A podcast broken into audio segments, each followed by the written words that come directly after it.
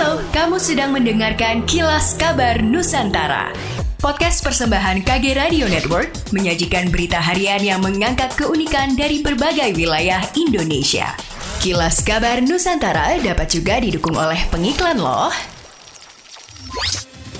Badan Pusat Statistik BPS merilis perkembangan indeks harga konsumen di Sulawesi Utara periode bulan April tahun 2023. Dalam rilis itu dijelaskan kota Manado sebagai salah satu kota indikator mengalami inflasi sebesar 0,25 persen.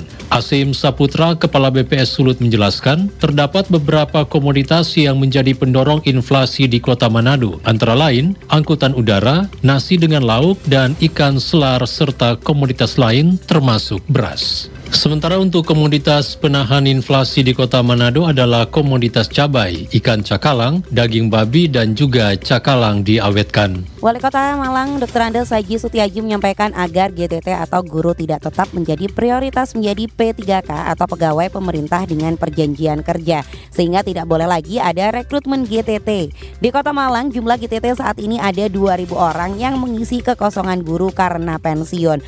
Kemudian ini merupakan instruksi dari pusat bahwa KTT sudah ditiadakan sehingga di tahun 2024 memang harus dihapus. Maka dari itu pihak dari pemerintah Kota Malang menyampaikan bahwa setuju dengan kebijakan tersebut.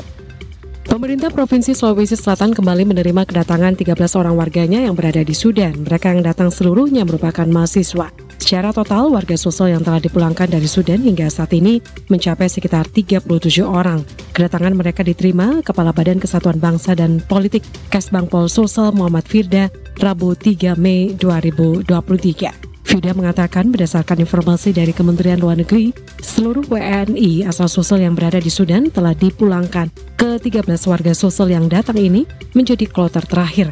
Kepulangan mereka pun difasilitasi menggunakan pesawat Hercules. Lebih jauh, Firda mengaku pihaknya telah mengusulkan kepada gubernur untuk memfasilitasi mereka berkuliah di Makassar.